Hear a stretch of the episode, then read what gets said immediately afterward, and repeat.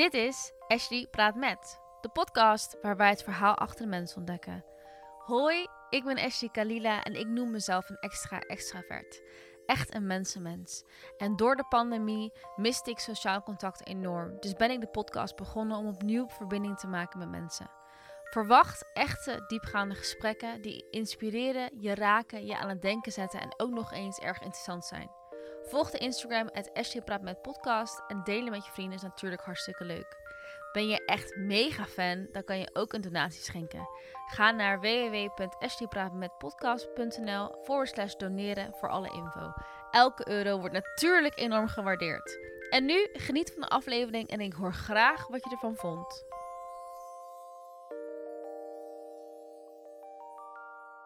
Hallo, Hey. ik zit hier met Wietske Luchtendorf. Ik moest echt Lutgendorf, nadenken. ja. Ik zeg Ja. het nog steeds verkeerd. ja, maar dat geeft Lut, niks. Lut. Lutgendorf, ja. ik, wil, ja. ik wil daar G voor de T doen. Oh, dat heb ik heel vaak. Ook op post en zo. Lutgendorf. Ja, Lutgendorf. ja. Hoe voel je je? Ja, heel goed eigenlijk. Ja? Ja, ik, eh, ik ben hierheen komen lopen. Ik woon aan Lijma natuurlijk. En het zonnetje brak lekker door. En de laatste dagen was voor mijn gevoel niet zo lekker weer of zo. Dus Het is benauwd. Ja, maar het was ook een beetje vroeg donker en gewoon de zon was er voor mijn gevoel niet of zo de Ja. afgelopen dagen en nu wel. En dan, ja, dan voel ik me wel goed eigenlijk. Ja, lekker. Wat fijn. Ja, en jij? Ik voel me goed. Oké. Ik ben heel blij en excited dat ik gewoon weer dit mag doen. Ja, Ik zie het, ik voel echt mijn, ik voel echt mijn, mijn cheeks helemaal zo onder mijn bril. Omdat ik aan het glimlachen ben. ja. Ik heb jou gevraagd, ehm, en sowieso dankjewel dat je met mij in gesprek wil. Ja, ik heb jou gevraagd om, om eh, op de podcast te komen, omdat jij de afgelopen, wat is het? Ik denk dat je daar wel zes, zeven maanden mee bezig bent tot nu toe, zeg maar. Eh, met een heel bijzonder iets. En eh vond ik heel eh, interessant. En eh, dus ik wil het daarover hebben met jou. Ja. Ja. Ja, dan doel je op de stamceltherapie. Ja. ja. Ja, Ja, het is een hele achtbaanrit geweest eigenlijk. ja, Ik weet niet zo goed altijd hoe ik het moet vertellen aan mensen die het niet hebben meegemaakt of zo. ik denk dat je gewoon wel eerst moet beginnen waarom je überhaupt de stamceltherapie bent omgegaan. Ja. Eh, nou, op mijn achttiende toen ehm, werd ik opeens slechtziend aan één oog. En eh, ik was toen net op kamers. Ik studeerde toen in Zwolle, grafische vormgeving en mbo-opleiding. Want ik was als kind altijd al met tekenen bezig en zo. En toen ik erachter kwam dat daar een opleiding voor was, toen dacht ik, oh, dit moet ik doen. Ehm, maar ik ben best wel pittig opgevoed door mijn moeder. En ehm, meestal als ik ziek was, dan was het gewoon van, eh, of ik viel of zo, dan was het gewoon van één dagje een beetje bijkomen en dan weer doorgaan. Dus die mentaliteit had ik ook heel erg. En ik had een heel druk leven toen ik 18 was. Ik eh, ging uit elk weekend en ik studeerde dus. En het was voor een MBO-opleiding best wel een drukke, eh, ja, een soort kunstacademie, maar dan MBO-niveau, best wel druk. En ik had een vriendje destijds en ehm, ja, vrienden. Maar het ging maar niet over die klachten, zeg maar. En ik werd steeds slechtziender. Totdat. Maar was slechtziend het enige symptoom? Nee, ik, ik eh, kreeg ook uitval in mijn hand. Dus ik kon zeg maar niet meer goed bekers vasthouden en glazen. En ik begon mank te lopen ook. En ik plaste regelmatig in mijn broek. Maar dat was voor mij nog niet genoeg of zo dat ik dacht van oeh, dit is niet goed. Ehm, Ja, ik, maar dat snap ik. Om, zeker als je met die mentaliteit bent van ga gewoon door, weet je. ja, Ik denk als mens ben je gewoon heel goed in het negeren van je eigen klachten. ja. Maar En als iemand anders tegen jou zegt van hé, hey, plas in mijn broek, dan denk je, yo, ga naar de dit is niet dokter. goed. Ja, ja. Ja, Maar vooral als je 18 bent, dan ben je een soort van. Ja, ik voelde me echt zo. Ja, ik ging heel hard, zeg maar, altijd doorgaan. En er was helemaal geen ruimte ook voor ziekte. Want dat was meer voor oude mensen of zo, had ik altijd in mijn hoofd. Ja. Nou, toen ehm, toch maar naar het ziekenhuis. Ehm, en ehm, omdat mijn vader, zeg maar, mijn niet-biologisch vader, die had ehm, twee jaar daarvoor MS gekregen. En ehm, daar herkende ik wel de klachten van. Dus ik vertelde dat aan de neuroloog waar ik kwam. En die zei van nee, het is allemaal geestelijk. Je zit er gewoon helemaal doorheen. Je werkt, je studeert, je hebt een vriendje, je hebt vrienden. Het is allemaal te veel voor je. En je ouders gaan het scheiden. Dus het is allemaal verzonnen, zeg maar. Het was een soort, ze dachten echt dat ik, nou, dat verzon eigenlijk. Jeetje, echt? Ja. Maar Dat is In echt de kern- up gewoon. Ja, zo denk ik nu ook wel. Maar toen dacht ik wel van... Ja, ik heb ook best wel geestelijke problemen door alles wat er gebeurt. En het kan ook gewoon dat, dat je geestelijke problemen hebt en je lichaam er gewoon mee stopt. Ja. Dus ik vond het ook wel weer logisch. Nou, toen toch een MRI-scan met aandringen. Want ik ben dan wel zo iemand van... Als ik dan denk wat te hebben eenmaal en ik geef me daaraan over... dan, dan dram ik ook net zo lang door totdat ik krijg wat ik wil. En ik wilde die MRI-scan, want ik wist gewoon van... dat is de enige manier om uit te sluiten wat het is. Ja, en toen bleek het eh, MS te zijn, eh, helaas. Eh, Er zijn meerdere ja. vormen van MS, toch? Ja. Ja. Je hebt eh, drie vormen en dan nog één hele zeldzame vorm.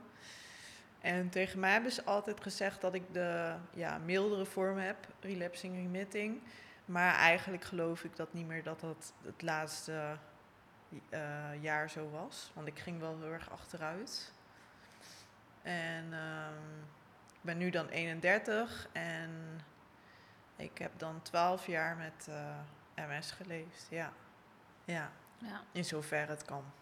Want je kan er niet echt goed mee leven. Maar ben ik nu pas achter, nu ik heel veel dingen weer kan. Maar ja, ja. het was meer overleven, laten we het zo zeggen. Ja. ja. En, ehm,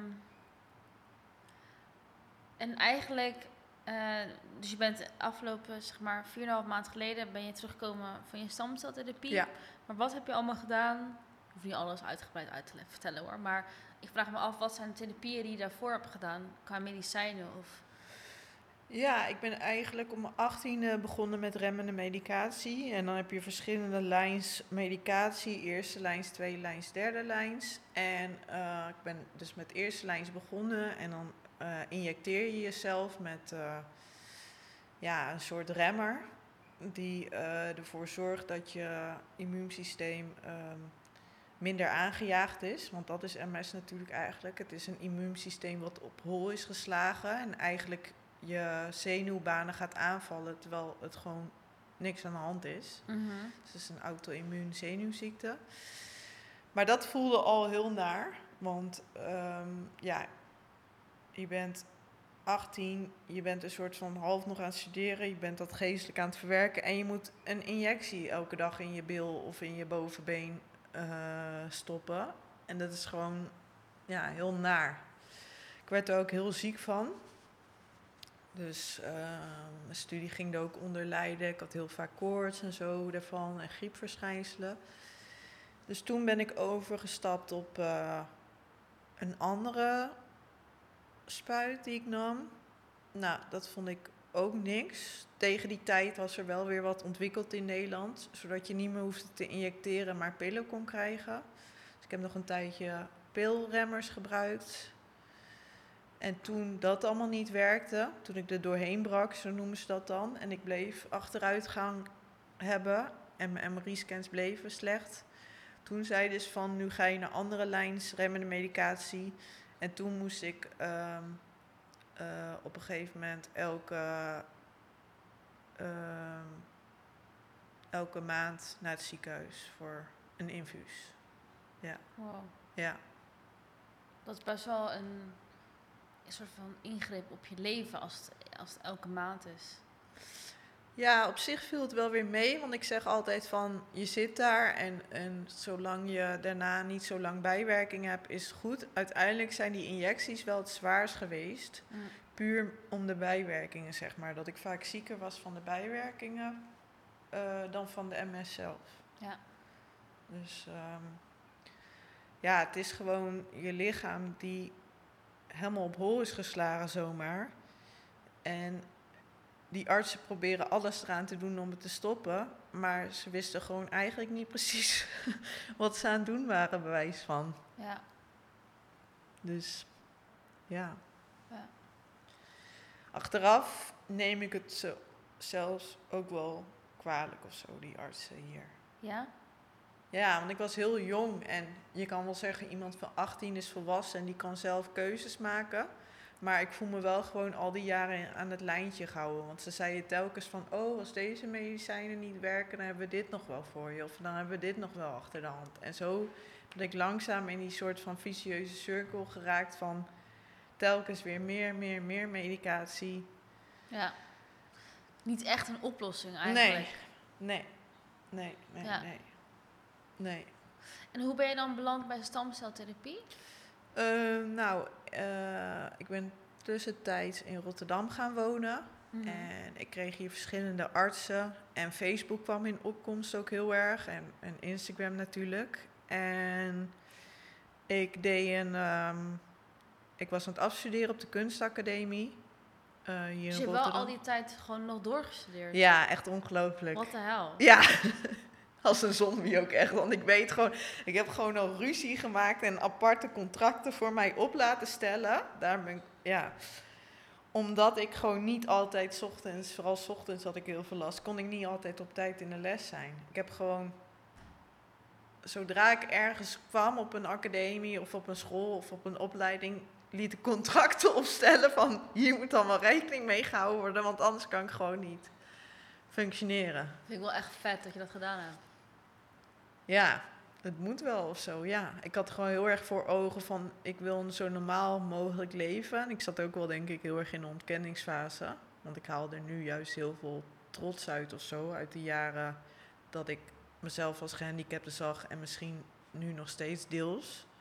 Maar toen wilde ik gewoon heel erg normaal zijn, zeg maar. Mhm. Dus toen dacht ik, oh, dan kan ik het beter maar allemaal regelen en dan kan ik ook nou wat- meedoen. Ja. Ja. ja. Ja, maar ik denk dat het gewoon. Het is. Kijk, misschien denk je nu van. Oh ja, weet je. Je wil normaal doen. Maar eigenlijk. Weet je. Dat iemand chronisch ziek is. Of dat iemand niet om half negen in de les kan zijn. Moet niet een reden zijn. Dat ze niet studie kunnen volgen. Nee, maar dat was natuurlijk voor corona Ja. wel heel erg zo. Ja, ja, precies. Iedereen moest meedoen in die red race. En Ja. als je niet meedeed, dan, Ja, dan werd je niet aangenomen of dan mocht je niet studeren. Ja, dat was gewoon een onbesproken iets eigenlijk in onze maatschappij, had ik het Ja. idee. ja, nee, zeker. Dus, maar wat eh, nergens op sloeg. nee, Dus het is, daarom vind ik het zo tof dat je daar wel toch tegen in bent gegaan. ja. Dus daar, maar toen deed ik ook in mijn afstudeerproject en in mijn minor, zeg maar daarvoor, was ik heel erg bezig met disability rights. En ehm, ik ehm, ontmoette via de wagen in Amsterdam wat rolstoelers en wat rolstoelgebruikers. Aangeboren, maar ook mensen die door een chronische ziekte in de rolstoel kwamen. En daar printte ik dan rolstoelonderdelen voor via, met de 3D-printer. En toen ging mijn eh afstudeeronderzoek eigenlijk over het behouden van autonomie. eh, zodra je een chronische ziekte hebt of een handicap. En toen hoorde ik eigenlijk steeds meer, terwijl ik aan het onderzoeken was, over stamceltherapie. Ook van andere mensen met MS. Maar ik was destijds gewoon heel bang eigenlijk. Ik eh, had best wel veel vertrouwen in de artsen, van het Erasmus voornamelijk. En ik dacht van, ja, die mensen hebben jaren gestudeerd, Wietske. Wat weet jij er nou van, zeg maar? Het is toch heel, een heel wild idee dat je naar het buitenland gaat voor iets. Ja, Ja, en eigenlijk is ook mij vanaf het begin verteld van ehm, wat nog steeds de mentaliteit is: van als je dit doet, dan kom je te overlijden. Gewoon Meen heel, dit? ja, gewoon heel direct. Als je dit doet, ga je dood. Ja. Oké, maar kan je even uitleggen, wat is precies stamceltherapie? Nou, stamceltherapie is eigenlijk een therapie waarbij ze je immuunsysteem resetten. En dat is in dit geval heel belangrijk, want eh, MS wordt altijd vanuit neurologische aspecten bekeken, want het is natuurlijk een aandoening die eh, ja, neurologische schade voortbrengt. Eigenlijk krijg je hersenschade van de aandoening. Maar je zou veel meer vanuit een uh, hematoloog, uh, hematologisch standpunt ernaar moeten kijken. Want uiteindelijk is het een auto-immuunaandoening. En dat reset je dus met de stamceltherapie door middel van chemo en het gebruik van je eigen stamcellen, waar je eigenlijk mee bent uh, geboren. Vet. Ja. Dus eigenlijk, ja, een soort van uh, herboren. ja. ja. Ja. En ze doen het niet in Nederland? Nee, ja, ze doen het in Nederland, maar uh, alleen levensverlengend voor mensen met leukemie bijvoorbeeld. Ah. Dus stel je hebt al heel lang leukemie en um, uh, je weet dat je daar prima nog mee kan leven. Als je stamceltherapie krijgt, dan doen ze het wel. En dan werken ze ook vaak met donorstamcellen. En uh, dit is dus autologe stamceltherapie. AHCT. En dat werkt dus anders, want dat zijn echt je eigen stamcellen die ze gebruiken. Ja. Dus, Oké, okay, dus je hoorde er dus er meer en meer over. En, ja. En wat is zeg maar het keerpunt geweest dat je dacht, nou, misschien moet ik hier dit, dit toch wel gaan doen? Ja, ik zit dus in een Facebookgroep. En dan zou je denken, oh, zij is zo iemand die dingen van Facebook afneemt en dan denkt dat dat real nieuws is. Maar er zijn ook goede dingen aan social media. Ja, nee, nee zeker. Ik denk dat, ja. Uh, ja. Ik moet gelijk denken aan een vriendin van mij die ik ook geïnterviewd heb, Marloes. Die heeft lang COVID en die oh, ja. heeft in die, dat lang COVID Facebookgroep, ja. in die, dat Nederlandse, zij zat er al in toen er 2000 mensen in zaten. Ja. En het is nu veel meer. Ja. Maar ze zegt, ik, er is zoveel herkenning. Ja. Dat, dat is gewoon fijn. Het is, ja. ja dus je bent niet uh, een nee, conspiracy precies. theorist. Die, uh ik denk dat het meerdere triggers waren voor mij. Het was dat ik um, sowieso was afgestudeerd. Ik had een hele goede opleiding gedaan. Maar ik kwam maar niet zeg maar, vooruit in mijn leven. Ik kwam maar niet aan een baan en ik kwam maar niet mee met de woorden, zeg maar. Het lukte gewoon allemaal niet, zeg maar. Ik kreeg wel medicatie, maar ik voelde me gewoon altijd doodziek. Alsof ik gewoon een hele erge kater had en overreden was met een bus. Zo stond ik elke dag uh, eigenlijk op. Wat een kutgevoel. Ja, het was vreselijk. Ik weet nog steeds niet hoe ik het heb gedaan. Dat was één aspect. Een ander aspect was dat uh, Boas uh, Spermon, is heel belangrijk om te noemen. Die is jaren geleden een van de eerste Nederlanders geweest. Die is naar Zweden gegaan voor stamceltherapie. En die was toen uh, in een aflevering van Humberto. Zeg maar in het oude concept nog van Humberto.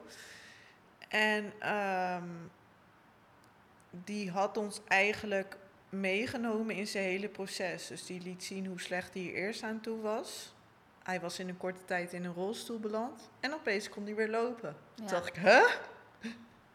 Wat zo, gebeurt hier? Hier ga je dan zo zogenaamd dood aan, maar eigenlijk ja, ja. je herboren, ja. Ja. Toen heb ik nog een tijd de kat uit de boom gekeken. En ik dacht, ik ga me gewoon een beetje ondertussen... Ik zat al aan de max van medicatie. En ik blode me helemaal de pleuris. ik rook nog steeds wel graag een jointje. Maar het was wel zo erg dat ik gewoon niet meer normaal kon slapen als ik niet blode, omdat ik dan spasmes kreeg, heel erg zenuwpijn. Mijn vriend moest me naar bed tillen s'avonds omdat ik mank liep. Ja, ik snap wel je blode. Ja, ja. Het was dat of nog meer medicatie. En dat kon ik al helemaal niet meer aan. Want dan had ik nog meer, nog ja, zagrijniger en nog uh, ja, naarder ervan. Dus ja, dat was het. En die Facebookgroep en uh, waar steeds meer mensen bij aansloten dus. En steeds meer mensen zeiden van ik ga hoor, want ik ga niet meer wachten op Nederland en dit en dat. En ik zag steeds meer mensen die dat geld ook voor elkaar kregen, want je moet heel veel geld hebben voor zo'n behandeling. En toen kwam Sarah uh, om de hoek kijken, Sarah Kingma. Inmiddels is ze ook een bekend persoon. Ze doet nu hele leuke dingen trouwens. Goed om haar te volgen. En zij is ook in een programma. Wat is haar Instagram? Uh, Sarki heet ze volgens mij, maar je kan haar ook gewoon vinden via Sarah Kingma. Oké, top. Zij is in een programma Overwinnaars geweest. En daar was ze met Hans Klok. En daar heeft ze ook zeg maar het hele proces laten zien van de stamceltherapie. Ze had een vlogkanaal aangemaakt waarbij ze liet zien hoe, hoe het allemaal in zijn werking ging. En ook hoe slecht ze aan toe was. En ze kreeg ook dat geld voor elkaar, zeg maar. Want zijn behandeling kost 60.000 euro. En toen dacht ik van, nou ja, ik heb reclame gestudeerd, ik heb advertising gestudeerd, ik kan grafisch vormgeven, ik kan websites bouwen. Waarom, waarom doe ik niks? Waarom, Wat houdt me tegen? Toen ben ik eigenlijk nog één keer naar het Erasmus gegaan. En toen, ik had al eerder gezegd dat ik hier aan zat te denken. En dat die medicijnen allemaal voor mij, ja, dat dat gewoon niet meer werkte. Want ik zat op een gegeven moment alleen nog maar aan die infusen. En ik, ja, weet je, hoe leg je dat ook uit aan je omgeving? Dat je gewoon, ik was twee weken ziek per maand en twee weken kon ik functioneren. Maar dat is toch helemaal Dat geen is leven? Geen leven. Nee. En toen zeiden ze dus eigenlijk van nee, als je dit eh, doet, dan gaan we je niet meer helpen. We gaan je ook niet helpen in het, in het voortraject. We willen hier helemaal niks van weten, Wietke. Echt? Ja. Dat, vind ik zo weird. Ja. We wonen in Nederland Ja. en we zijn zogenaamd een vooruitstrevend land. Ja.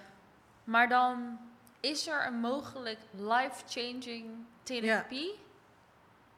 Maar, oké, maar weet, i- waarom, waarom geloven ze hier niet in? Of waarom doen ze het niet? Het is nog steeds heel onduidelijk. Er komt soort van steeds meer aan het licht. En ik wil niet in conspiracies gaan denken, want dat is veel te veel fake nieuws allemaal En dat is ook tegenwoordig zo gaande. negatief allemaal. Ja, dat wil ik allemaal niet. Maar hun hebben schijnbaar daar een reden voor. Eh, jaren geleden is Erasmus een van de eerste geweest die hiermee is begonnen ook. Met stamceltherapie. Ja. Met een eh, trial. En ze gaven toen mensen eh, chemo niet op basis van gewicht, maar gewoon maximale chemo. Want je krijgt ook heel veel chemo bij stamceltherapie. Veel meer als dat je een kankersoort zou hebben die bestrijd moet worden. En ja, al die mensen vielen met bosjes eh, dood neer natuurlijk. Ja, wat wil je? Iemand is al helemaal verzwakt en die ga je hele hoge dosis chemo geven. Ja, dan ga je natuurlijk dood. Ja. En ehm, toen zijn ze eigenlijk direct gestopt, eh, laten we zeggen 15 jaar geleden. Oh ja. En toen is dat nooit meer verder over nagedacht of iets. En eigenlijk in andere landen zijn ze door die testen, hebben ze het steeds meer geperfectioneerd. En de overlevingskans is nu eigenlijk zo groot dat er overlijden wel eens mensen. Dat moet je niet doen. Maar dat is echt, misschien zal het er eentje per jaar zijn, laten we het zo zeggen. En er waarom- gaan maandelijks mensen naar Rusland, Mexico en Zweden voor stamceltherapie, wereldwijd. ja. Dus dat zijn duizenden mensen die al zijn behandeld ja, maar ik denk dat er sowieso is gewoon een risico met, met weet je, je kan ook doodgaan aan, eh, weet ik veel, je kies laten trekken, toch? Ja. ja, dat kan wel. Het is een hele extreme vorm, maar ja, het kan altijd. Nou ja, en die remmende medicatie, daar wordt ook heel licht over gedaan, vind ik, naar mijn mening. Want wat voor een probleem je daar allemaal wel niet van krijgt, is ook ongelooflijk hoor. Je schildklier kan bijvoorbeeld gaan stoppen met werken. Eh, je kan het JC-virus op gaan lopen. Dat is een virus wat zich dan in je hersenen nestelt, waardoor je ehm, hersenbloedingen krijgt en dergelijke. Dus weet je wel, het is allemaal geen één medicatie heeft geen risico's en geen één behandeling ook inderdaad niet. Geen één operatie ook niet. En Ja. dit is gewoon echt next level. Maar we kunnen dit al wel, dus dat is wel de mooie tijd waarin we leven, zeg maar. Ja. Dus jij dacht, oké, ik ga het gewoon voor mezelf fixen. Ik ga het gewoon doen. Ja, want ik was inmiddels wel echt in een periode van mijn leven gekomen, zeg maar, laten we zeggen, eind 2019, dat ik echt zoiets had van. Ehm, mijn moeder die had ook kanker gehad en die was overleden. En ik dacht van, oh, ik wil echt niet zo eindigen als haar hoor. Niet dat het heel erg was, we hebben er iets moois van gemaakt in het hospice waar ze lag, maar ik besefte gewoon opeens extra van als ik zo doorga, dan wordt het hem gewoon niet. Of in ieder geval. ehm, Je wil gewoon een kans geven om een echt leven te hebben. Ja, Tenminste, echt leven klinkt ook weer zo. ja. Maar niet in een constant staat zijn van pijn. Je wil Ik was continu aan het overleven, ja. Ja, Waar andere mensen gewoon leven en opstaan en denken van... oké, ik, ik, ga van de, ik heb vandaag dit en dit op de planning staan. Moest ik al de halve planning skippen en denken van... oh, ik heb morgen dit. Dan moet ik vandaag alvast niks doen. En die drie dagen daarna kan ik niks meer doen. Snap je? ja. Dus ja, een echt leven, dat is dan een normaal leven. Is denk ik wat je... Ja, Je wil, Iets kan- normaler. je wil een kans hebben op een iets normale leven. iets spontanere dingen, zeg maar. Dat Ja. je gewoon eh, opeens denkt van... oh, ik wil nu uit eten. Oh, dan ga ik dat nu doen, zeg maar. En dan hoef je niet rekening te houden... dat je daarna nog drie dagen op bed ligt, bewijs Ja. van. Ja, En dat had ik heel erg. En dat was al zo normaal geworden voor mij. Ik zeg niet dat gehandicapten en chronisch zieken geen recht hebben op leven of bestaan of dat dat geen leven is. Maar ik zag gewoon bij andere mensen dat het ook anders kon. En Ja. ik dacht gewoon van ja, ik wil gewoon alle kansen pakken. En doordat ze me zo hadden gezegd van je gaat dood, hield ik dat ook in gedachten en dacht ik van nou ja, als ik dan dood ga, kan nooit iemand me zeggen dat ik er niks aan heb gedaan om die ziekte te stoppen. ja Want ik heb letterlijk echt alles graag gedaan Ja. om die ziekte te stoppen. ja, literally you had nothing left to lose. Nee, ik was hier gewoon uitbehandeld. Dus, ehm, plus alle diëten die ik had gevolgd en zo. Wat gewoon allemaal fabels zijn, maar goed. Maar ook echt wel bizar dat je dan, dan... Toen was je 29, zeg ik het goed? Eh, 2019, zeg je? toen was ik 29, Ja. ja. en dat je dan denkt dat je gewoon uitbehandeld bent. Dat, Ja. dat, dat, dat ze niks meer voor je kunnen betekenen hier. Ja. Dat is ook echt een- crazy idea gewoon. Ja. Ja, en ondertussen lag mijn moeder dus in het hospice. Dus zag ik heel veel mensen die uitbehandeld waren en die daar een soort van hun laatste dagen waren. En het heeft iets moois ook weer, want je hebt veel waardevollere gesprekken als je het aan het eind van je leven bent. Maar het was nog niet voor mij de tijd om aan het eind van mijn leven te zijn, want ik was 29. Ja, En zo'n leven leefde ik al wel een soort van. ja, Dat ik dacht van, oh, mijn moeder is terminaal, die gaat hier dood, maar ik doe net zo weinig als haar op een dag. Holy shit. ja, bizar. Ja, Echt een bizarre gedachte. ja. Ja. En hoe, eh, hoe heb je dat dan voor elkaar gekregen? Poeh, ja, dat is een hele goeie. nou, ik heb eigenlijk wel altijd die hosselaarsmentaliteit gehad. Ik leef eigenlijk al jaren, nou, niet in armoede, maar wel van weinig geld. En ik werk daarnaast een beetje en ik verkoop dan vintage en soms wat kunst. En daar verkoop ik wat en wat schoenen of daar verkoop ik wat. Dus ik heb mijn vrienden opgetrommeld en ik zei van luister jongens, ehm, het was ook nog eens net corona, dus dat kwam ook nog eens om de hoek kijken. Dat Ja. begon zo rond februari een beetje Vorig door jaar, te ja. komen. Ja. Toen ben ik ook begonnen met de crowdfunding. Oh ja, ik ga 2020 erbij zeggen. Just in case dat iemand Ja. dit over vijf jaar luistert. Ja, ja 2020. Ja. Goh, wat een jaar. Ja. Ja, het weer hield me of zo ook niet, corona. Heel goed. Het was gewoon een extra motivatie zelfs, denk ik. Van holy shit, mijn moeder is overleden, corona. Ik moet nu gewoon dit gaan fixen, want anders komt het gewoon niet meer goed. Ja. En eh, ja, ik ben mijn vrienden dus gaan optrommelen. Een deels, deel is allemaal kunstenaars. Die gingen kunst maken. Dat hebben we op Marktplaats gezet. Ik ging me inlezen over TikTok. Ik wist daar niks van. Want ik was 30 destijds. En dat is een soort van generatie na ons of zo. Heel, De generatie na, na ons, Ja, volgens mij ja, zelfs. ja, klopt. En daar raakte ik bevriend met wat oudere TikTokkers. En die gingen, eh, als je een bepaald aantal volgers hebt, kun je live gaan. Dus die gingen soms 24, soms 48 uur achter elkaar live om geld in te zamelen. Echt? Ja, echt ongelooflijk. Gewoon mensen die ik niet kende, hè. Echt, die hebben gewoon heel veel mooi. geld Oh, ik, moet- ik moet bijna huilen. Ja, dat was echt heel mooi, ja.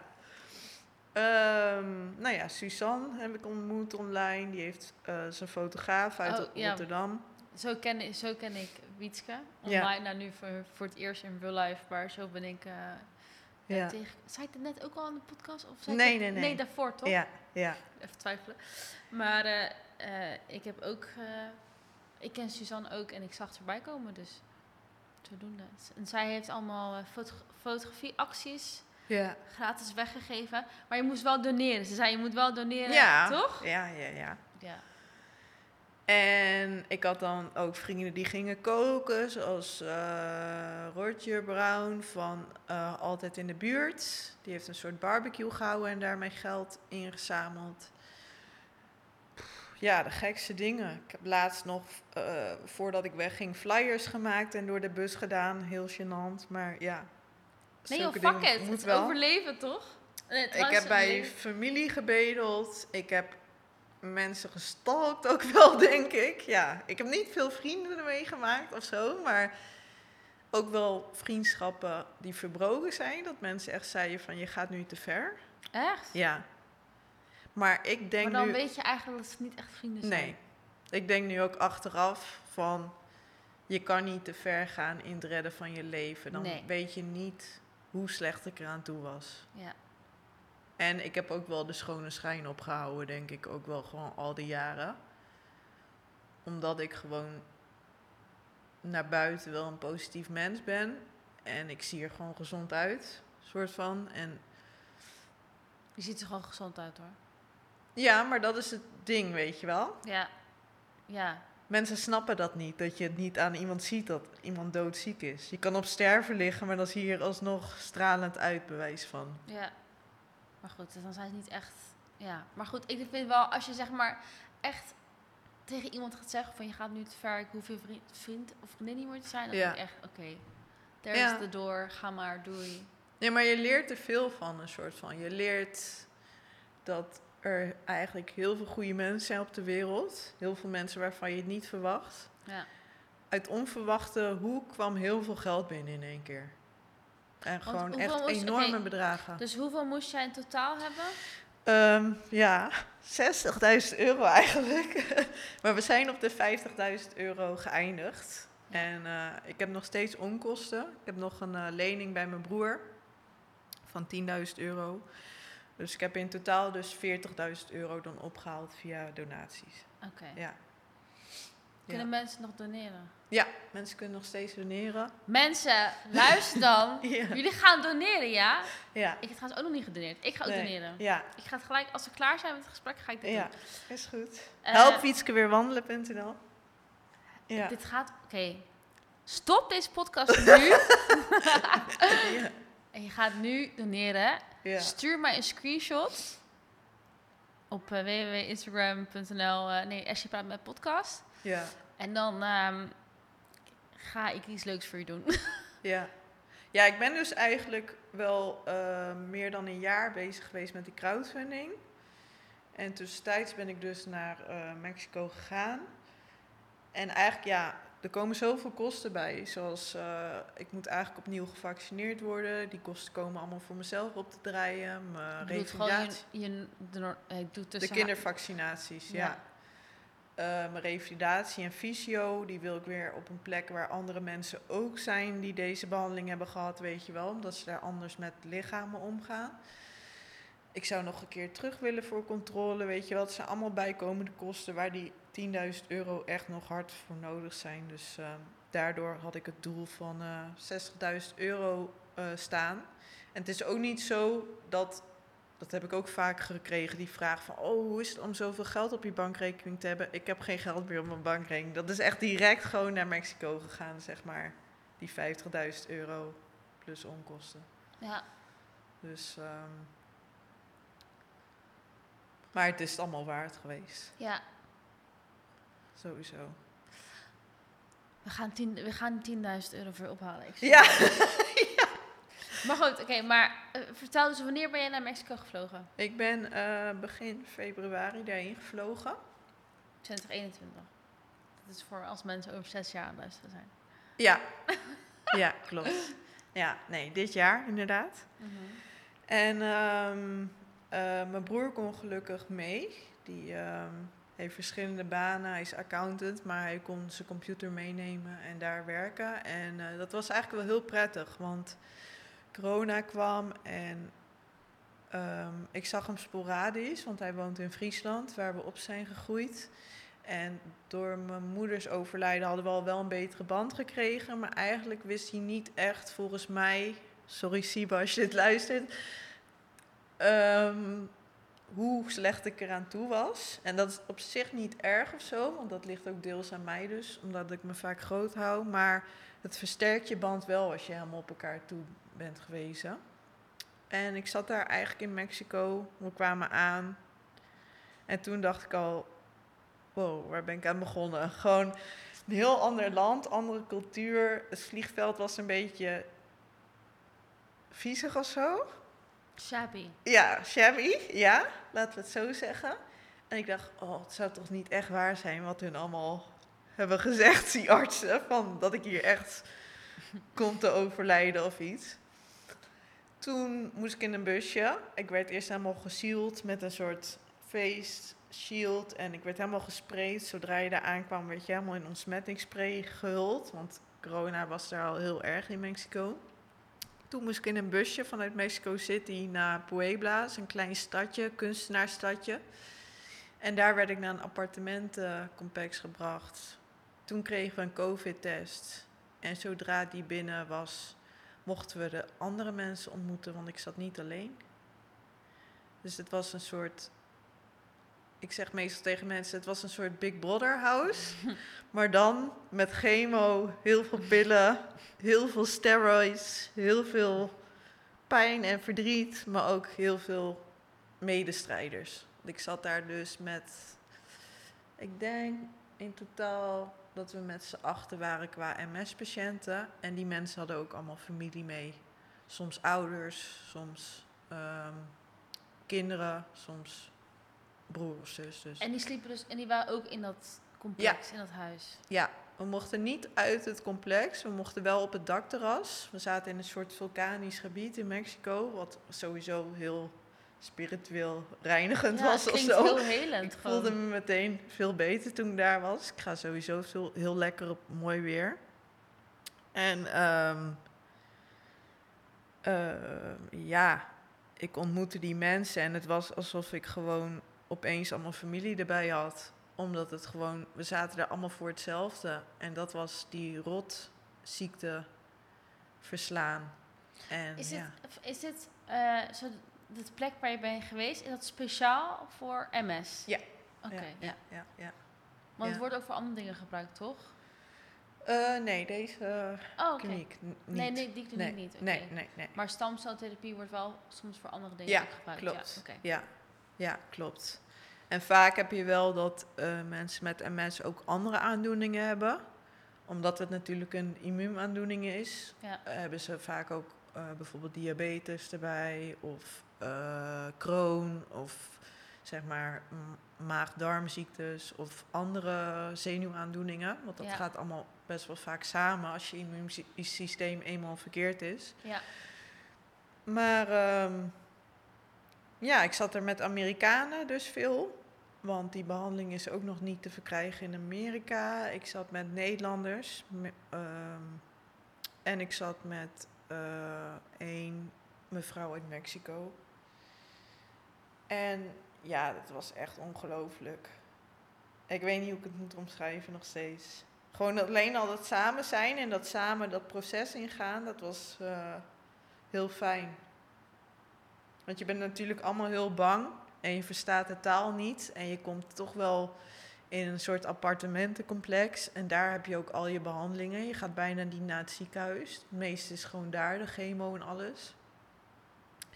En je hebt eigenlijk mensen die gewoon precies hetzelfde doormaken. Je zit Ja. bewijs te kotsen van de chemo en naast jou zit iemand anders eh, eh, ook te kotsen of in zijn broek te plassen of weet ik veel wat. Het klinkt nu heel vies, maar het is heel fijn of zo. Het is heel vermoedend. Ja, ja, Oh, hoe vaak heb jij vandaag geplast in je ja, ja, ja, ja, ja. Ja, Ja. volgens mij kan je dit. eh, volgens mij zijn er ook geen woorden om dat kunnen ehm, omvatten. wa- Wat je Nee. allemaal daar hebt meegemaakt. En het is ook een maand, toch? Een maand lang. Het is een daar. maand, iets minder dan een maand. Ik mocht zelfs eerder weg omdat het zo goed ging. Wauw. Eh, dus het was drieënhalve week. Maar het voelde aan de ene kant als een jaar van mijn leven, omdat gewoon zoveel indrukken waren, ander land. Het heeft zo erg mijn leven veranderd. Ik heb zoveel waardevolle mensen ontmoet waar ik nog steeds contact mee heb.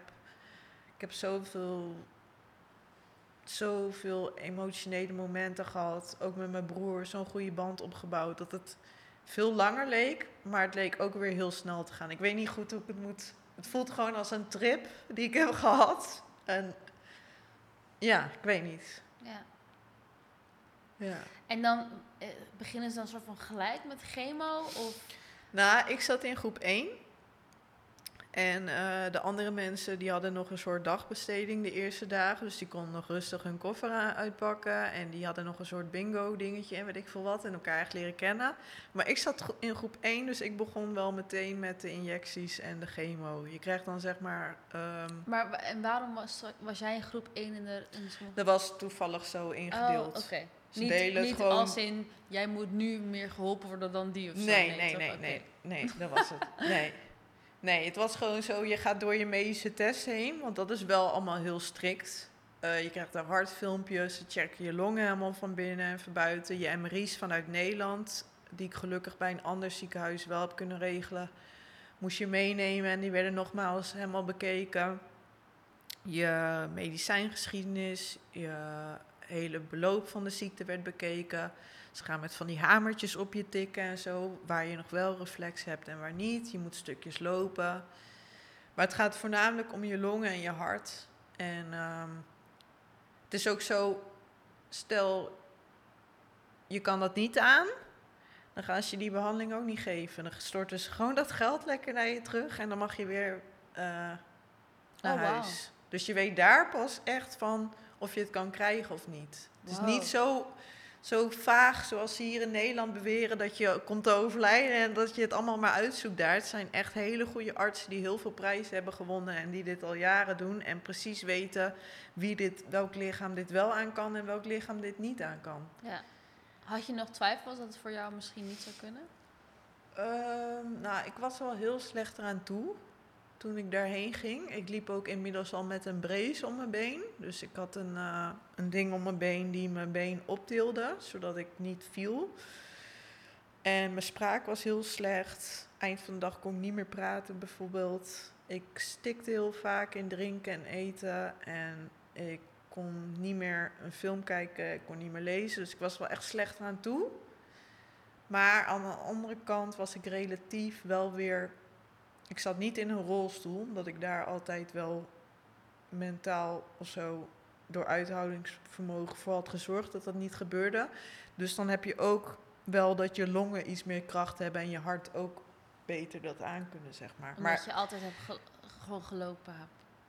Omdat nou ja, ge- gehinkeld, laat ik het zo zeggen. Ik, loop nu, ik weet nu pas wat lopen is. Dat ik denk van, wow, damn. Ik heb gewoon spierpijn. Ik wist geen eens dat ik deze spieren had.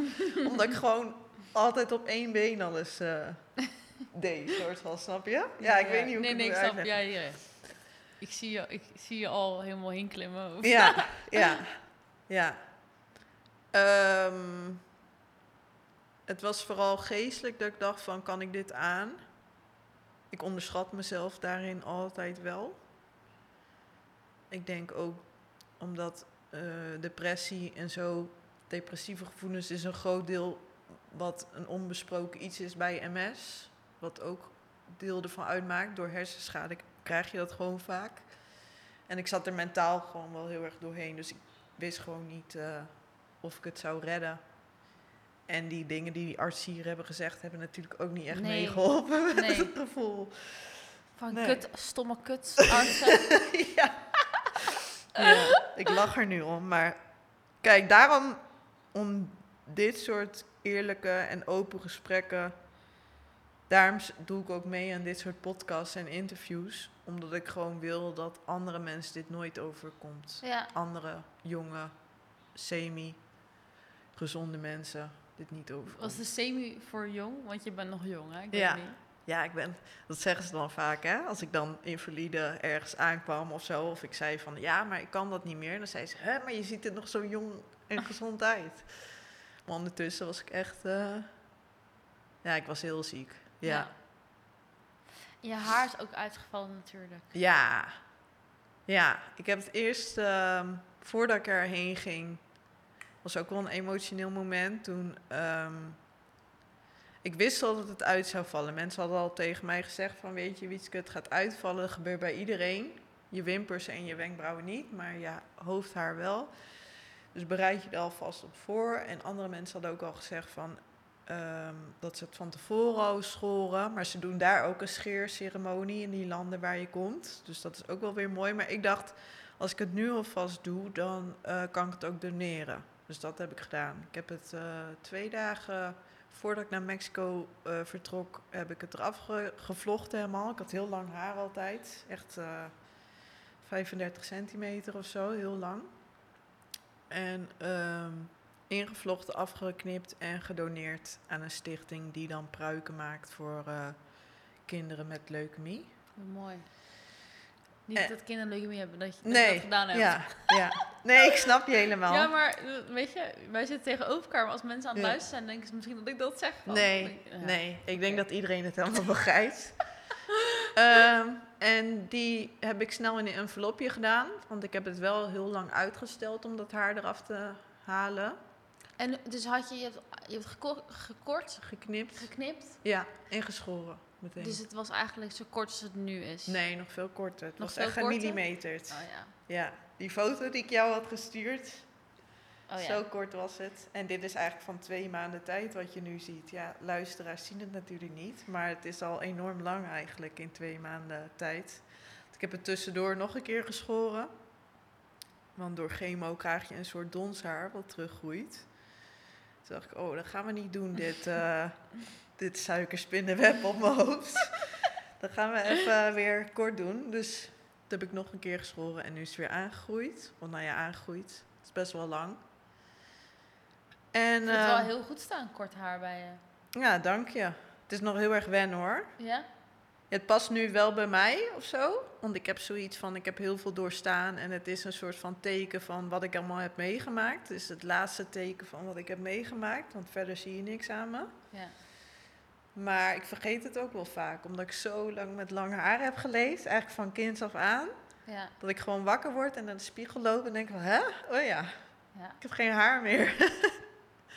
maar het eh, went. En ehm, ehm, ik heb wel lang over een pruik ook over, over nagedacht. Maar het is nu zo lekker weer dat ik denk van, ja, wat doe je jezelf aan?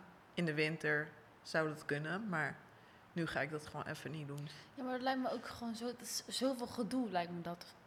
Want je moet het toch... Nou, ze lijmen het vast, hè, zo'n pruik. Oh, je bedoelt echt vast een Ja, ja, ja, ja. In de winter ben ik dat nog wel van plan te doen, want het Oh is ja? wel echt fris. Want in februari, in eind februari kwam ik thuis en toen had ik echt geen haar meer. Het was echt met wortel en al alles eruit gevallen door die chemo. Het was echt gewoon glad, glad kaal. Ja. En toen dacht ik wel van, oh ja, dit is de temperatuur in Nederland. ik weet nog dat ik naar de stembus loopte in maart dan.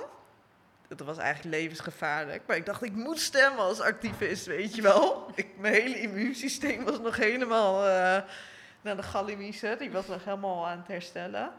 Maar het was maart, dus ik moest stemmen. Mijn vriend dacht ook, nou, die zwoer niet. En dat ik buiten liep en dat het zo koud was dat ik helemaal ging bibberen. Klappertanden. Dat ik dacht van, oeh, ik moet echt mutsen gaan dragen en zo nu. Maar Ja.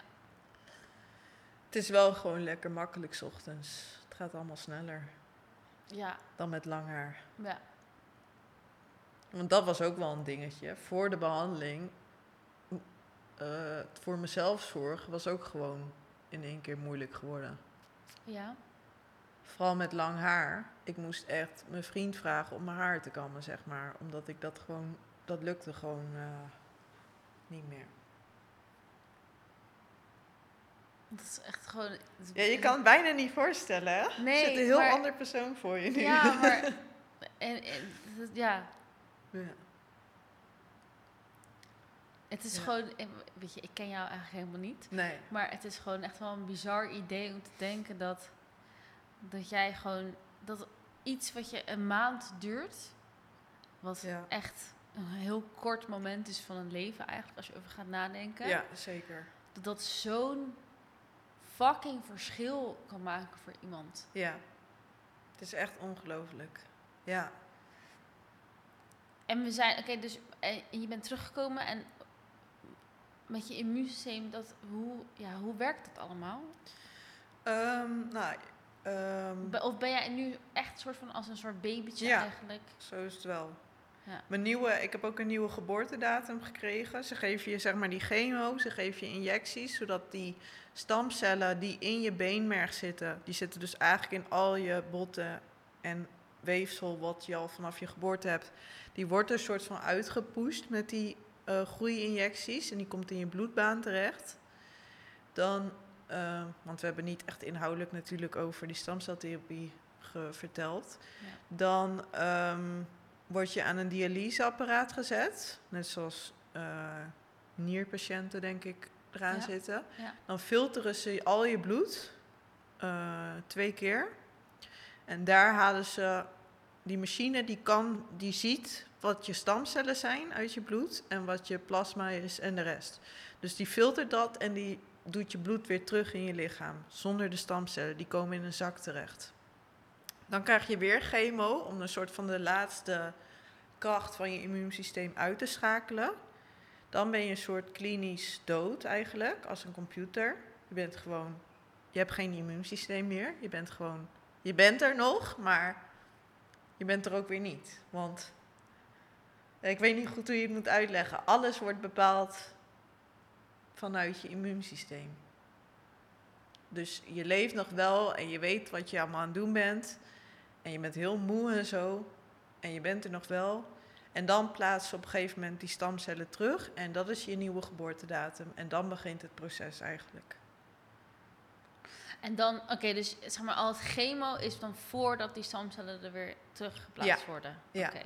Dus dat je helemaal weer soort van. Echt om je lichaam te resetten gebruiken ze die chemo. Om zeg maar die ziekte, om die zieke cellen dood kapot te maken. Ja, Ja, bizarre proces eigenlijk als je Ja. erover nadenkt. ja.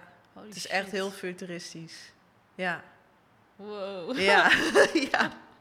Ja, Ik heb even een dag nodig om dit echt Ja. te snap ik. Ja, dat hoor ik van veel mensen. Ja. Oké. En het is ook, aan de ene kant doen ze dit al jaren in het Mhm. buitenland. Maar in Nederland is iedereen een soort van in shock, omdat het hier bijna niet wordt besproken. Ja, Alleen maar als levensverlengende therapie natuurlijk, maar niet echt als levensreddende ja. behandeling. Maar het is gewoon heel mooi. Het is gewoon ja, heel bijzonder. En wat is jouw nieuwe geboortedatum dan? Valentijnsdag. Echt? Ja. 14 februari. Ja. Wat een Ja. cadeautje. Ja, ja. Ja, dat was heel bijzonder. Dat was heel emotioneel. Ja, de uitvinder, zeg maar, van de Mexican method, zo noemen ze dat. Want elk land heeft een andere methode. In Rusland geven ze je continu een paar dagen achter elkaar chemo. In Mexico geven ze het in twee fases, zodat je lichaam een beetje tussendoor kan herstellen. Zodat het iets makkelijker, eh, ja, zeg je dat? Zodat het je iets makkelijker afgaat, zodat je niet zo snel een longontsteking op, oploopt of dat soort dingen tussendoor. Maar die dokter kwam dus ook nog langs dan op dat moment dat ik mijn stamcellen terugkreeg. En dan ga je dan mee op de foto, heel bijzonder, als een soort Disney-moment of zo. En je gaat met iedereen die ook zijn stamcellen op die dag eh, terug heeft gekregen op de foto. En dan krijg je een t-shirt en een soort button of zo. Het is best wel commercieel, maar het is ook wel heel bijzonder. Ik moest wel echt huilen van geluk. En dat heb ik echt nog nooit gehad eigenlijk. Er viel zoveel van me af, of zo, van al die jaren ziek zijn. Dat ik Ja. dacht van, oh, ik heb het gewoon tot nu toe overleefd. Ik heb het gewoon geflikt. Die crowdfunding is semi gelukt. Ehm, Nou ja, grotendeels wel gelukt, toch? ja. Ehm, ja, gewoon alles ik, bij ja. elkaar. En hoe voelt dat? Ik denk dan gelijk dat je dan zo alles voelt, maar dat is Ja. helemaal niet zo Ja, waarschijnlijk. dat is wel dus zo. Echt? Ja. Nou, het was nog een beetje naar eerst, want eh, ik was scheen een soort van allergische zijn voor de middelen die in dat zakje zaten met stamcellen die ervoor zorgen dat het vloeibaar blijft. Want ze vriezen dat in. En daar zit dan een goedje doorheen, maar daar bleek ik een beetje niet zo goed op te gaan. Dus eerst dacht ik, oh nee. Eerst voelde ik me heel goed toen ze het terugplaatsten. Ik voelde opeens mijn tenen weer, terwijl ik die eh, twaalf jaar niet had gevoeld. Ik liep altijd wel. Wat nog steeds echt super raar is als je je onderkant en je, van je voet niet voelt en je tenen niet. Maar ik voelde opeens weer als soort dat, het, dat, het, dat daar signalen naartoe gingen en dat daar eh, bloed doorheen stroomde, zeg maar. Ook werd mijn ene oog, die altijd gewoon nog steeds niet helemaal is hersteld, mijn linkeroog eh, beter. Ik had altijd een soort waas. in het eerste dag al. Ja, ja. Dat hoor je heel veel. shit. Ja, dat hoor je heel veel. En dat komt dus puur omdat je lichaam echt herstart. Dus alles wat daarna gebeurt is mooi meegenomen. En eigenlijk gaat het er gewoon om dat het de MS stopt voor altijd. En je houdt de schade natuurlijk wel, de hersenschade die je hebt opgelopen. Maar eh, vaak omdat het lichaam tot rust komt, omdat het niet meer zo aan het vechten is, krijg je opeens weer dingen terug die je niet had verwacht. Wauw. Ja. Maar ik was dus allergisch voor, daar was ik gebleven, ik was allergisch voor dat goedje. Dus toen het zo goed ging, toen eh, ging ik naar de studio terug, want ik moest daarvoor naar het ziekenhuis daar.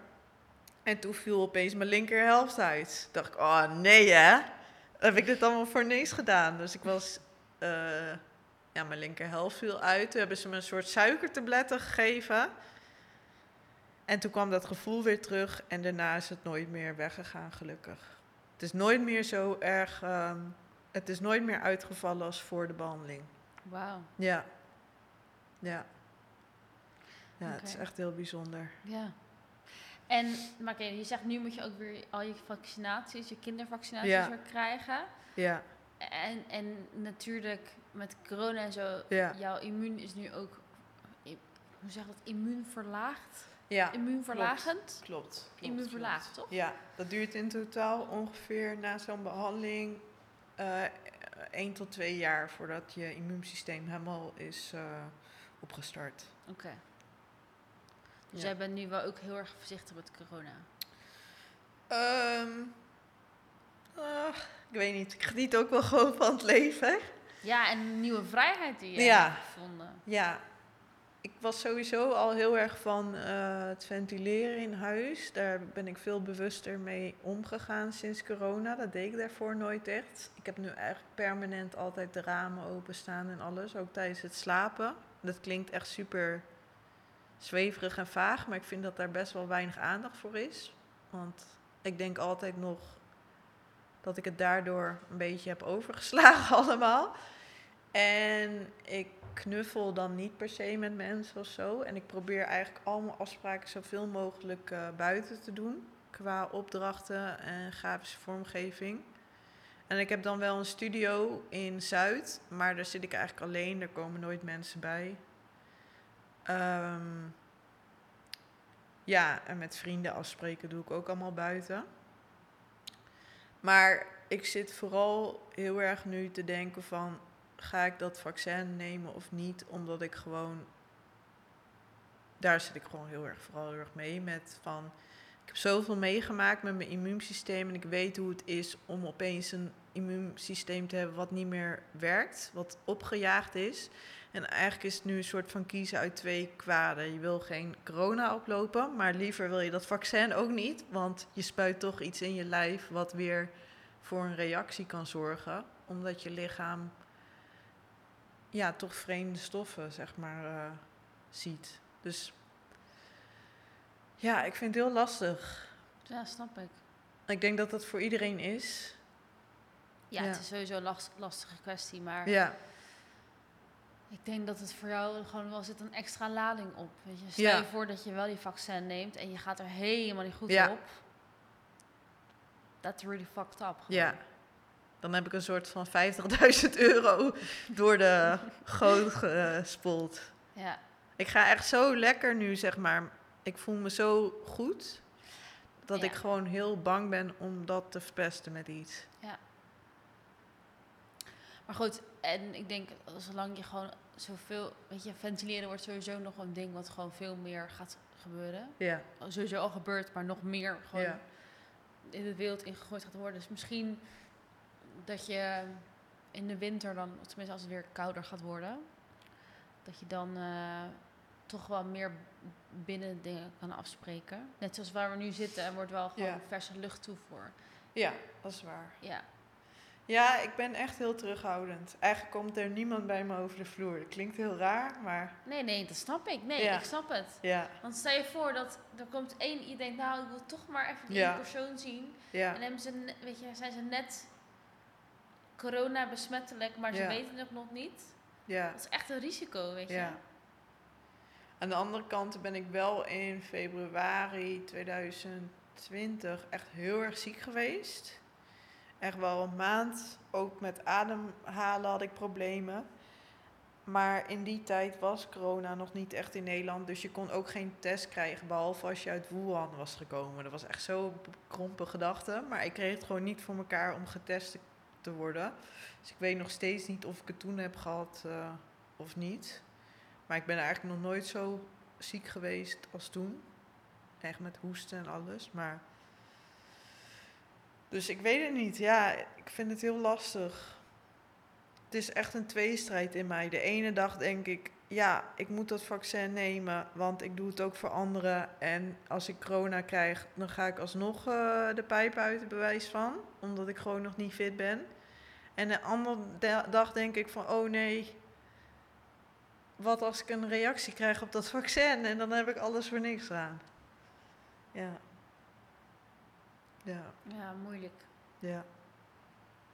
Er is geen goed antwoord hierin Nee. eigenlijk. Nee. Nee, dat is zo. En eh, je vriend, hoe, hoe, hoe, is, hoe is het daarmee? Gaat hij wel met, met andere mensen afspreken? Of, Ja, die is gevaccineerd. oh ja. En hij slaapt de helft van de week bij mij. En hij werkt ook nog eens in een hotel. Dus ehm,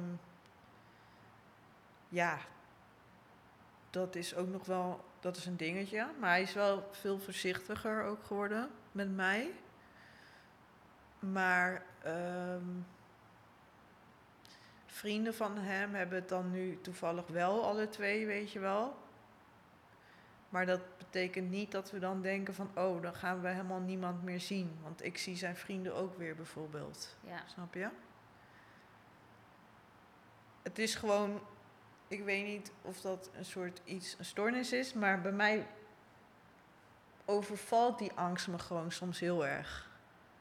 Ik denk door alles wat er is gebeurd in mijn leven, dat ik gewoon weet hoe kostbaar gezondheid is. En op sommige dagen dan heb ik zoiets van, oh, ik ga vandaag niet naar buiten, want het is te druk buiten of zo. Terwijl het helemaal gewoon irrationeel is, want je kan het overal oplopen en het is gewoon dikke pech natuurlijk als je het krijgt. En eigenlijk moet je niet zo bang zijn, want ja, angst is, is ook echt wel funest voor je systeem. ja, het is helemaal niet goed voor je, nee. ja. En de andere dag, ehm, zoals vorig weekend, dan sta ik bij Wilde.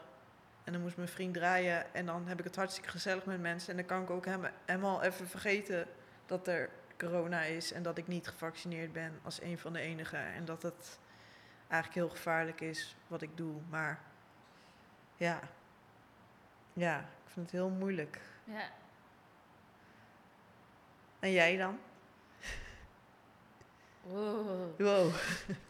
Even, even iets anders. We zijn al meer dan een uur aan het praten. Hè? Oh ja, ja. En, ehm, ik, vind, ik vind het prima om door te praten. Nee, nee, nee. Hoe lang is het in totaal altijd je podcast? Ja, ze zijn al normaal een, gesproken een uur, ja. maar ik, het voelt raar om niet Ja. te stoppen. Dus nee, laten ja, we we gewoon kunnen een beetje, langzaam eh, tot gaan het we einde langzaam gaan. afronden. Ja, ja, Eh, ik heb alleen de vaccin genomen, daar had je het over toch? ja, Eh, als financiële overweging. ja. Want ik ga niet op vakantie en dan ik de hele tijd moet getesten en weet ik veel Nee. wat. En mijn moeder woont in Engeland en ik kom gewoon in Engeland niet in zonder vaccinatie. ja, Dus het is een Ja. financiële en emotionele overweging. ja, Maar als, die, als dat niet zou bestaan, dan had ik het never nooit niet Nee. genomen. En ik, ik heb dus voordat ik een aantal dagen voordat ik mijn eerste vaccinatie had, had ik dus echt heel heftig gedroomd dat ik er hele allergische reacties op Oh, had. no.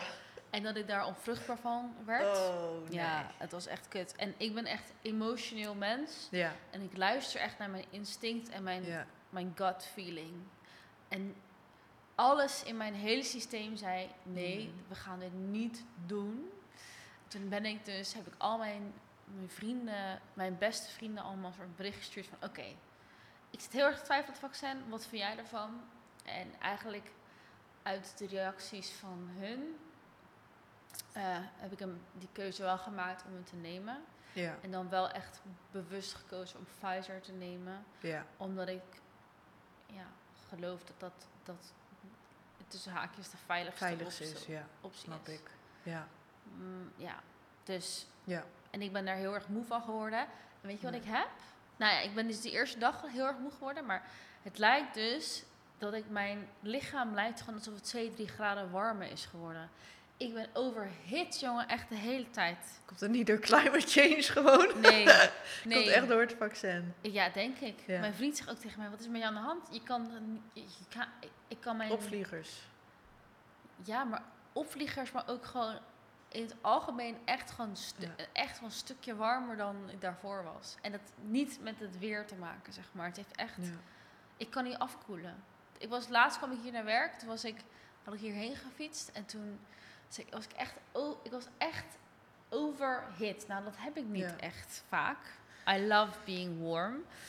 En het duurde echt serieus 2,5 uur voordat ik soort van helemaal afkoelde. ja, je lichaam is natuurlijk wel gewoon aan het werk na zo'n vaccinatie. Ja, ja, dat denk ik dus. Ja, dat moet wel. En dat is niet per se negatief natuurlijk. Dat Nee. is gewoon goed dat het werkt. Want anders zou dat vaccin niet aanslaan. Maar het is wel logisch dat je dat soort dingen had. Ja. Dus, Weet je wat ik... ehm, want er zijn ook allemaal dingen waar we het nog niet over op mijn Ja. lijstje staan, waar we het niet over hebben gehad. ja. Weet je wat ik een leuk, een goed idee vind? Maar dan, Nou. moet ik, dan moet jij dat ook vinden. ja. Laten we zeggen dat we over Een aantal maanden weer terugkomen. 14 februari op jouw Oh, 1... ja, op jouw leuk. één- 14 februari Laten we dat doen. 2022 op jouw Laten eenjarige Ja, vind ik een goed idee. bestaan ja. gaan ja. we weer opnemen. Gaan we terugkijken naar wat er is veranderd. Hoe ik nog meer vooruit ben gegaan. En dan gaan we het ook hebben over de andere puntjes op mijn lijst. Ja. Ja, dat was niet- veel dit. Het was niet- veel dit. Ja, maar wel heel mooi. Ja, ik hoop dat eh, andere mensen die ook MS hebben nu denken van... Oh, ik ga dit ook doen. Ja, Ik ga ook waar voor mijn geld eh, nemen en ik ga er ook helemaal voor. ja, Ze mogen me altijd een berichtje sturen. ja, al je links staan sowieso onder in Ja. de podcast. En, Ik help eh, mensen altijd met deze behandeling. Ik, Ja. ik krijg er niet voor betaald, helaas. Maar nee, ik, ik, ik heb zoiets van... eh, het is mij gegund en dan hoop ik dat andere mensen het ook kunnen krijgen. Ja, Dus ja. en ze moeten doneren. Ja, Help Wietske weer, weer, wandelen. wandelen.nl. Ja. Echt een, ook een leuke website. Ja, hey, maar, dat dit weet je niet, maar ik heb, ik heb altijd een laatste vraag. Oh, oké. Mijn eerste vraag is altijd hoe voel je je? Ja. En mijn laatste vraag, was de tweede vraag wou ik zeggen, maar het is mijn laatste vraag is, wanneer voel je het meest jezelf? Wanneer voel je het meest jezelf? Oeh, dat is echt een goeie. Ik denk als ik met vrienden ben in een groep en we zijn lekker buiten in de zon met een biertje erbij en we praten gewoon en je raakt in een soort van flow dat je geen eens eigenlijk meer weet wat er allemaal gaande is in je leven en je vergeet dat even, dan voel ik me het meest het zelf, mezelf. Ja, ja, Mooi, ja, ja, leuk antwoord. ja. Moet je gelijk denken aan een moment die je laatst hebt gehad of zo? Ja, Dat zie je ja. in je gezicht. Bij Wilde zeker. Ja, ja, dat is mooi, ja. Nice. Super bedankt Ja, voor het komen babbelen. Ja. En ik zie jou volgend jaar sowieso. Ja, 14 februari. Is goed. Dat is een deal. Oké, Leuk. Dankjewel. dankjewel.